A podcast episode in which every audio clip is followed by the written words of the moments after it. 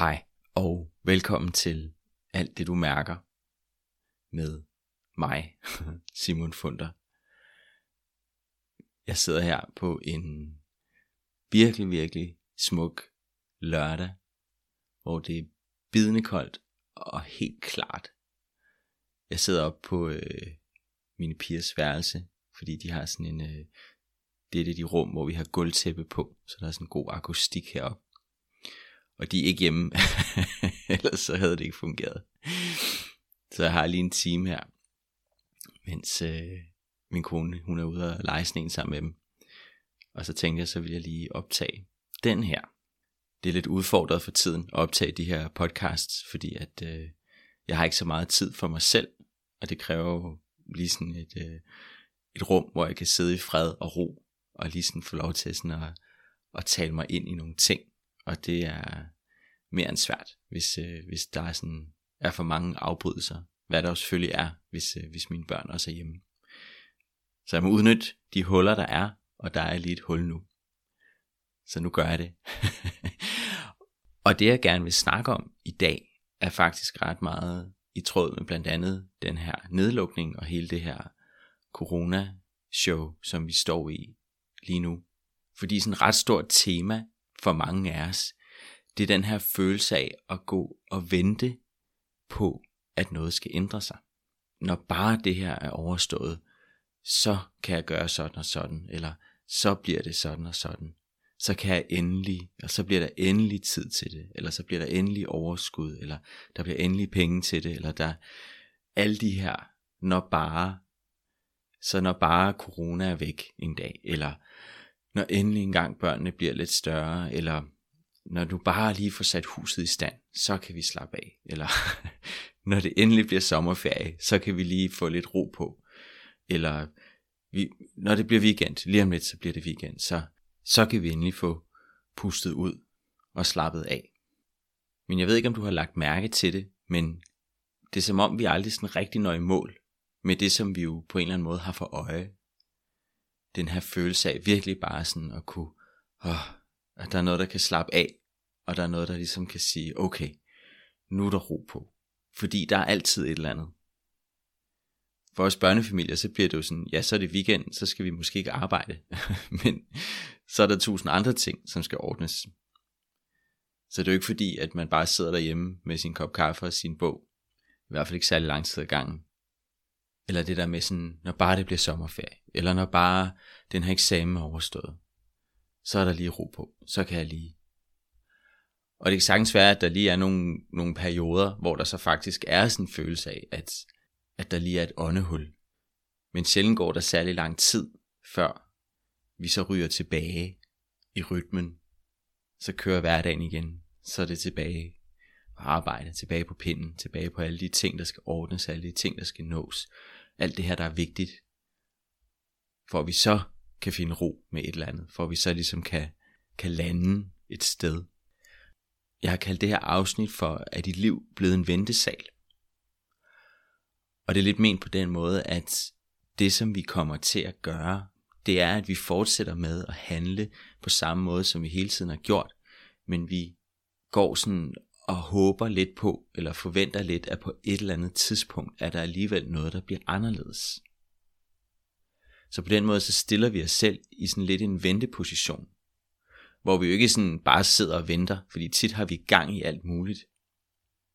Men alt det vi har gang i, det håber vi på, at det på, på et tidspunkt løsner op for et eller andet. At der på et tidspunkt nogle omstændigheder eller noget, der bliver anderledes, som gør, at vi måske ikke behøver at være så, så meget i gang hele tiden, eller at, at det ikke behøver at være så hårdt, eller så, øh, så intenst, eller så, øh, hvad det nu kan være, der lige sådan gør, at jeg har i hvert fald ikke tid til at slappe af lige nu. Der er ikke overskud til at slappe af lige nu, fordi der er alle de her ting. Og problemet er, at vi ser ikke rigtigt, at historien den gentager sig. Igen og igen og igen og igen.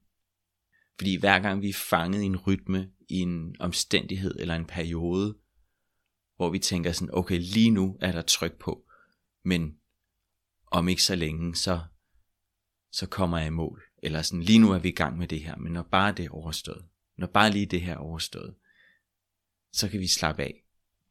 Så vi ser altid den ting, vi er i, som den store ting. Som den store ting. Og når bare den er overstået, så kan jeg være med mig selv. Så er der mere tid til at være sammen med børnene. Så er der tid til, at jeg kan slappe af. Så er der tid til, at jeg kan gøre de her ting, som jeg egentlig har lyst til.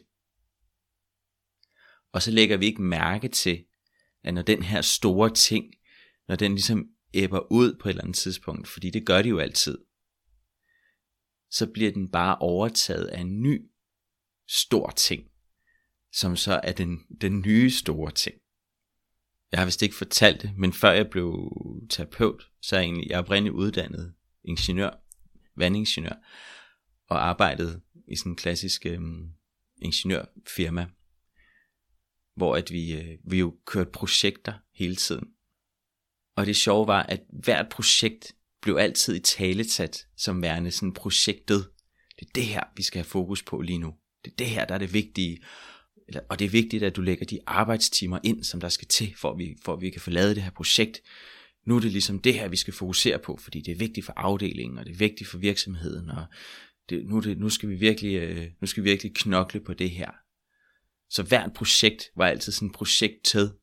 Og igen blev der den der følelse af, sådan, når bare det her projekt er overstået, så er der ro på, så kan vi lige få lov til at slappe af, og så er der lige sådan et åndehul. Og det var der måske også nogle gange, men rigtig tit, så, så blev det jo bare sådan overlappet med nye projekter, med nye ting, der kom ind, som skulle ordnes. Der var hele tiden noget. Og det var sådan lidt paradoxalt, fordi hvis det der jo egentlig var brug for, sådan rent menneskeligt i hvert fald, det var jo lige at træde tilbage og zoome ud og kigge på det sådan lidt længere væk fra og se, jamen det her, det hører jo aldrig op. Det er lidt ligesom sådan at gå og glo ned i jorden og kigge på den der sti, man går på. Og hele tiden gå og tænke sådan, lige om lidt så slutter stien. Jeg bliver bare ved med at gå, fordi lige om lidt så slutter stien. Men hvis du faktisk skal dig lov til at kigge op og lige sådan løfte blikket, så vil du opdage, at den sti du gik på, og den sti du går på, den slutter ikke. den fortsætter bare. Den er bare uendelig lang ud i horisonten. Så uanset hvor meget du bliver ved med at gå, så fortsætter den her sti bare.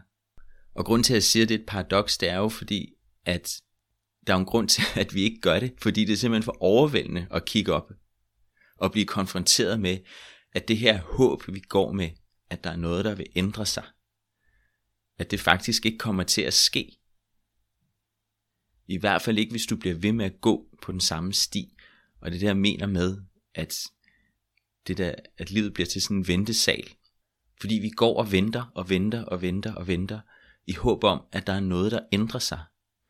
Men hvorfor skulle det ændre sig, hvis du bliver ved med at gøre det samme? Så er der ikke noget, der ændrer sig.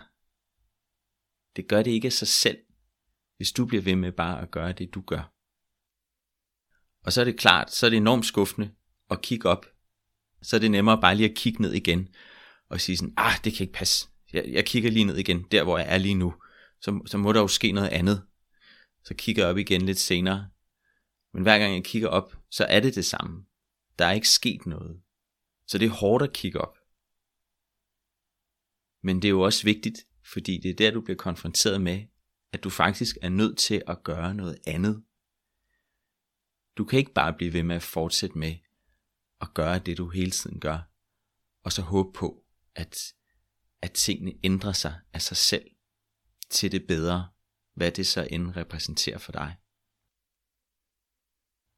Og jeg ved det, fordi vi gør det alle sammen. Vi har alle sammen de her undskyldninger, der, sådan, der siger sådan, jamen jeg skal, nok, jeg skal nok komme og være til stede. Jeg skal nok komme og være her. Jeg skal bare lige, jeg skal lige ordne det her først. Så kan jeg være til stede. Så kan jeg slappe af. Jeg hører det rigtig tit fra mine klienter, når vi snakker om det at meditere for eksempel.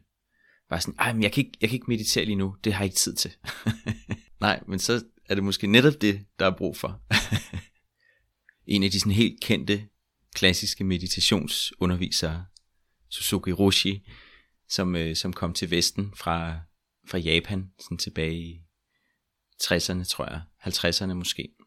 Og han har skrevet sådan en meget klassisk meditationsbog, der hedder Zen Mind, Beginner's Mind, som er meget, meget fin, hvis du har lyst til at læse den på et tidspunkt. Når man han siger sådan helt klassisk, at øh, hvis ikke du har tid til at meditere en time, så skal du meditere to. og det ved jeg godt, det lyder selvfølgelig meget overvældende for langt de fleste af os. Men pointen er jo selvfølgelig, at du har ikke tid til at slappe af, fordi du ikke giver dig tid til at slappe af. Det er simpelthen så enkelt, det er. Og hvor, hvor provokerende det end kan lyde, så kan det jo ikke være anderledes. Der er også en klassisk Einstein-citat, der siger noget i retning af, at det er vanvid at gå og gøre det samme hele tiden, og så alligevel blive ved med at håbe, at det på et tidspunkt giver et andet resultat. Og alligevel er det jo det, vi gør. Og vi gør det jo netop fordi, at det er svært at gøre noget andet. Vi gør det jo fordi, vi har vendet os til at gøre tingene på en bestemt måde, og at det er det, vi er nødt til. Jeg er nødt til at gøre de her ting. Jeg er nødt til at tage mig af det her. Jeg er nødt til at ordne det her. Alle de her ting, som jeg er nødt til at ordne først, inden at jeg kan give mig selv lov til at gøre noget andet. Men jeg bliver aldrig færdig. Jeg bliver aldrig færdig med alle de her ting. Det holder ikke op. Fordi jeg bliver selv ved med at give plads til, at der hele tiden kan komme nye ting ind. Det er kun mig, der kan sige stop. I det forløb, jeg laver, der hedder den kærlige forældres indre rejse, der er et af modulerne, handler om det, som jeg kalder for kærlig kommunikation, som jo både er kommunikation i forhold til, hvordan vi snakker med andre, men det er også i forhold til, hvordan vi snakker til os selv. Og en øvelse der i, det er, at jeg beder om, at i stedet for at sige, jeg er nødt til at gøre de her ting, eller jeg skal gøre de her ting, eller jeg bør gøre de her ting, så prøv at lave sætningen om til at sige, jeg vælger at gøre det her, fordi, og så komme en formulering for, hvorfor, hvorfor det er sådan. Så et eksempel kunne for eksempel være, at når jeg er jo nødt til at gå på arbejde, jeg skal gå på arbejde. Og det kan der jo godt være en sandhed i. Men hvis det bliver fremstillet bare som det, så er det super definitivt og enormt låst. Så kan det ikke være anderledes, og på den måde låser jeg mig selv fast i nogle omstændigheder, som jeg ikke selv er herre over. Hvilket gør det rigtig, rigtig svært for mig selv. Så i stedet for kunne jeg sige, jeg vælger at blive ved med at gå på det her arbejde, eller have det her arbejde, fordi det gør, at jeg kan tjene de og de penge, som måske giver en økonomisk ro og stabilitet, og det giver overskud til at lave nogle andre ting, som jeg har lyst til at lave. Og som du forhåbentlig kan høre, så er der noget ret vigtigt i den formulering, fordi der bliver talt ind i, jamen hvad er faktisk grunden til, at du holder fast i at have det her job? Som du måske, måske ikke, det ved jeg ikke, hvor, hvor du står hen, men det kan være, at du har et job, som du måske ikke er særlig glad for, eller du laver noget, som, som du egentlig ikke synes er særlig fedt. Men der er en eller anden form for nødvendighed i det, der gør, at du bliver ved. Og jeg tror på, at det er enormt vigtigt at blive bevidst om, jamen hvad er det faktisk, der gør, at du holder fast i nogle af de her ting. Fordi det er jo ikke sikkert, at du skal sige op på dit arbejde, bare fordi du keder dig, eller du ikke lige synes, det er super fedt lige nu.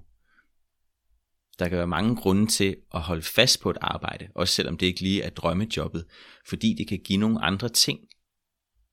Det kommer an på, hvad dine primære prioriteringer er her i livet.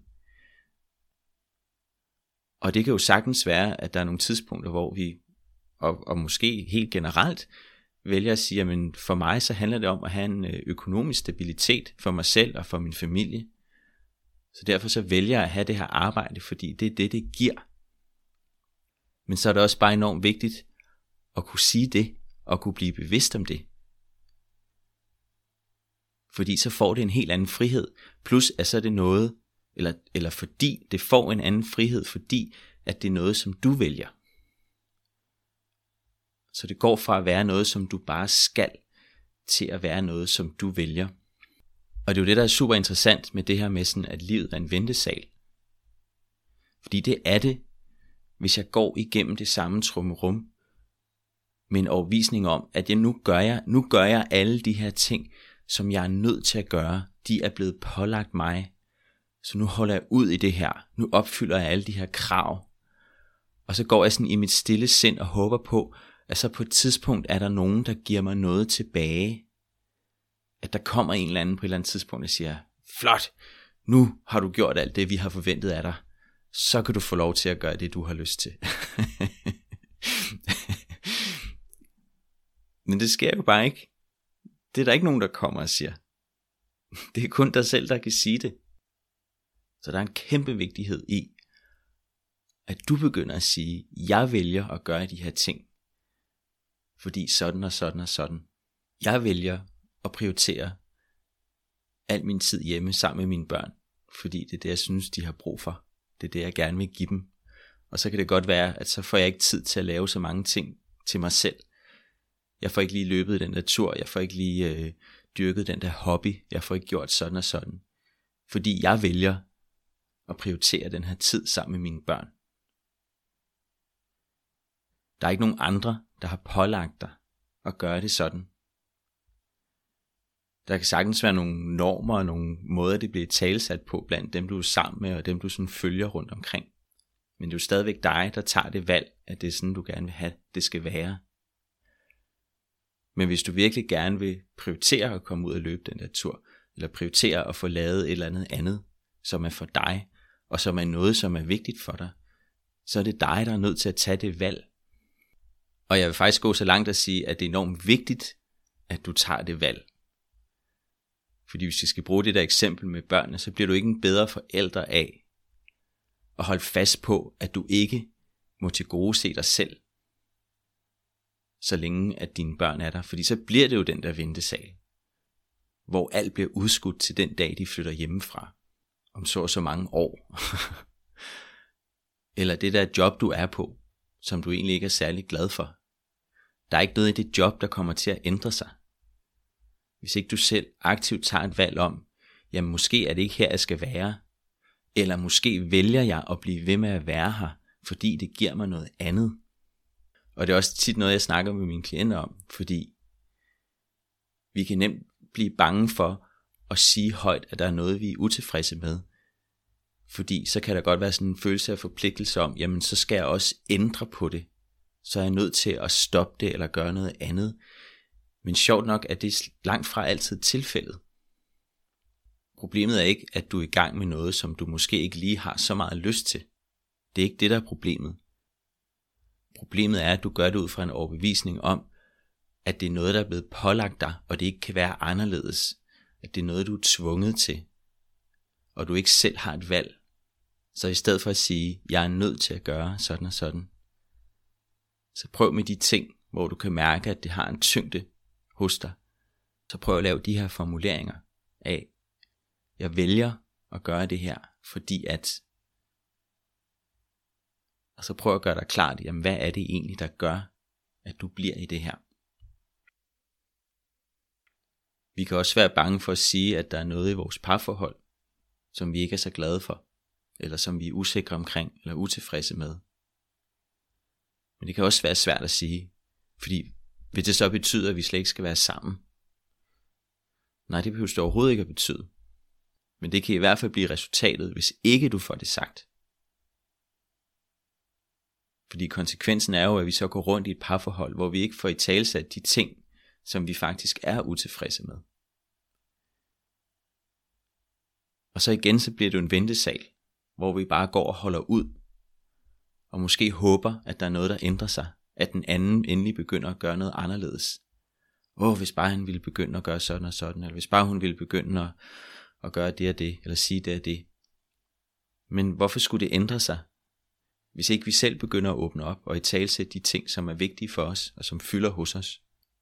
Så hvis vi skal bruge den der metafor med at gå på den der sti, som bare fortsætter og fortsætter, så er der noget vigtigt i at kunne snakke om, jamen der er også andre stier. Det er ikke sikkert, at de skal tages i stedet for.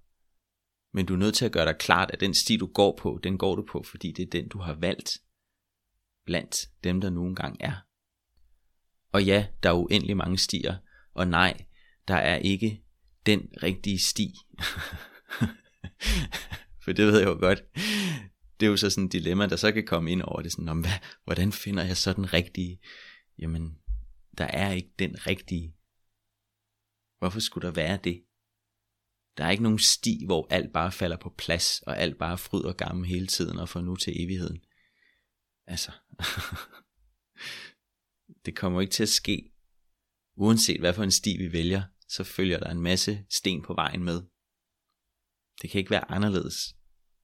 Så kan det godt være, at vi lige sådan kigger over på den anden sti og tænker sådan, åh, den ser da mega glat og lækker ud. Lidt ligesom, når du står i den lange kø nede i Netto, og så smutter over i den anden, og tænker, fedt, nu fik jeg lige en kortere kø, og så går kasseapparatet i stykker eller et eller andet, så står du alligevel og venter, og kan se den kø, du stod i før, den bare sådan kværner igennem. Eller hvis du skifter spor på motorvejen, fordi fedt, nu kører de lidt hurtigere derover, så sniger jeg mig lige derover lige ved at køre ind foran hinanden. Nu kom du over i det spor, og så går det selvfølgelig i stå, og så det spor, du var på lige før, så kører det lige pludselig hurtigt. Så der er ligesom to hovedpointer i det her, hvis jeg sådan skal opsummere. Og det ene er jo det her med, jamen, der er ikke den rigtige sti, der er ikke den rigtige vej. Der er en masse veje at vælge imellem. Men de har alle sammen deres fordele og ulemper, og det kan ikke være anderledes, det er bare sådan, det er. Og det er sådan, det skal være. Fordi vi skal også lære noget. vi skal have de der bump på vejen. De er skide vigtige. Det er dem, vi vokser af. Og det andet er, at jamen, det er dig, der vælger den sti, du går på. Ja, du er blevet lidt hen mod en sti af den opvækst og den historie, du har med dig. Helt klart. Og der er der bestemt nogle stier, der er langt mere utilgængelige for os, end de vil være for andre. Og omvendt i øvrigt. Fordi vi alle sammen har forskellige forudsætninger og forskellige baggrunde. Selvfølgelig, sådan er det bare. Men det er stadigvæk dig, der vælger den, du går på, blandt alle dem, der nogle engang er til rådighed. Der er ikke nogen, der har tvunget dig til noget. Og der er ikke nogen, der tvinger dig til noget. Og rigtig tit oplever jeg, at det er jo bare sådan den erkendelse, der gør sådan, når jeg, jeg, jeg vil egentlig gerne blive på den her sti. Går det op for mange. Sådan har jeg også selv oplevet det mange gange. Jamen egentlig vil jeg gerne blive her, når jeg faktisk begynder at tænke over det på den måde. Jeg havde bare lige brug for at mærke, at det faktisk er et valg, jeg selv tager. Nå ja, okay. Fedt. Jamen, egentlig har jeg det ret godt her. Fordi jeg prioriterer nogle ting, der er vigtige for mig. Det kan jeg jo godt se, når jeg lige, sådan, når jeg lige stopper op og lige ser på det.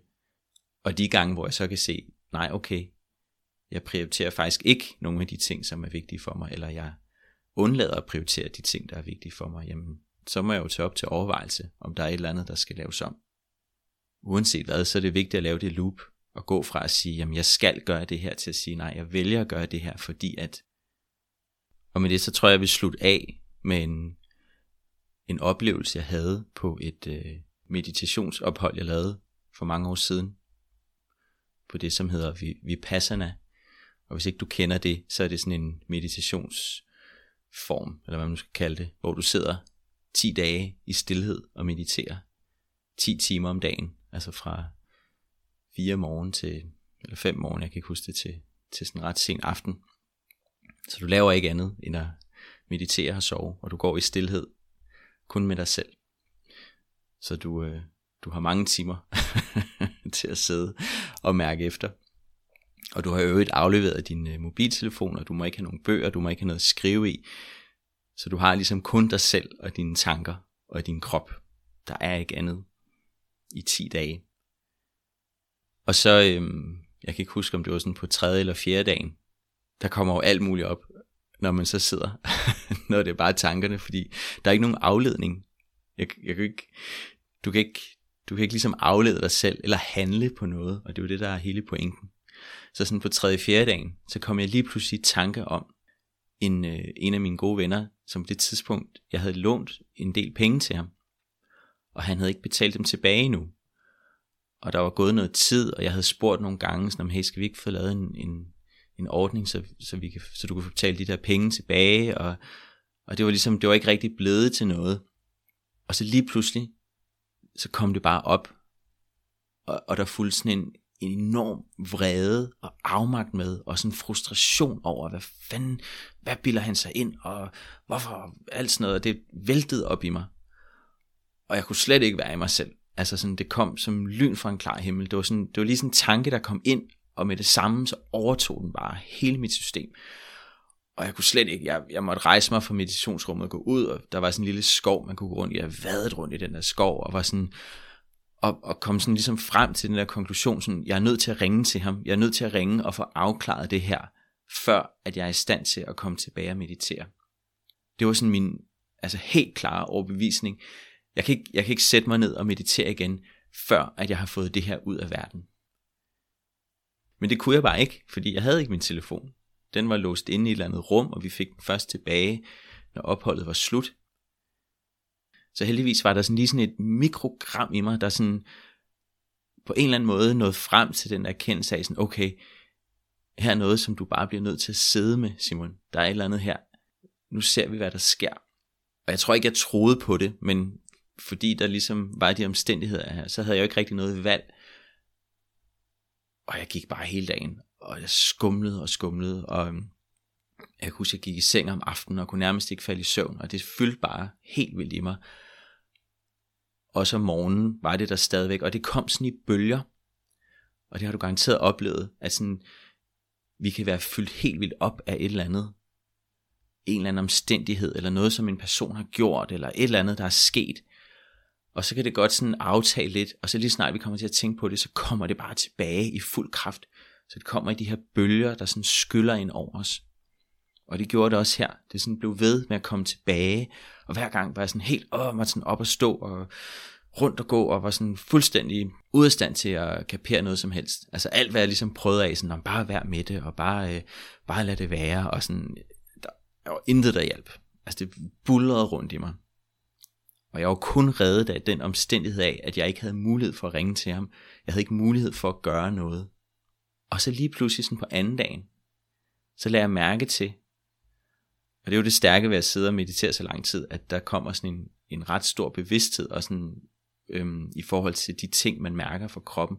Så jeg begyndte at registrere, at de der bølger, de blev mindre og mindre, så de kom stadigvæk igen, men styrken i dem var ikke så stærk, som den havde været i starten.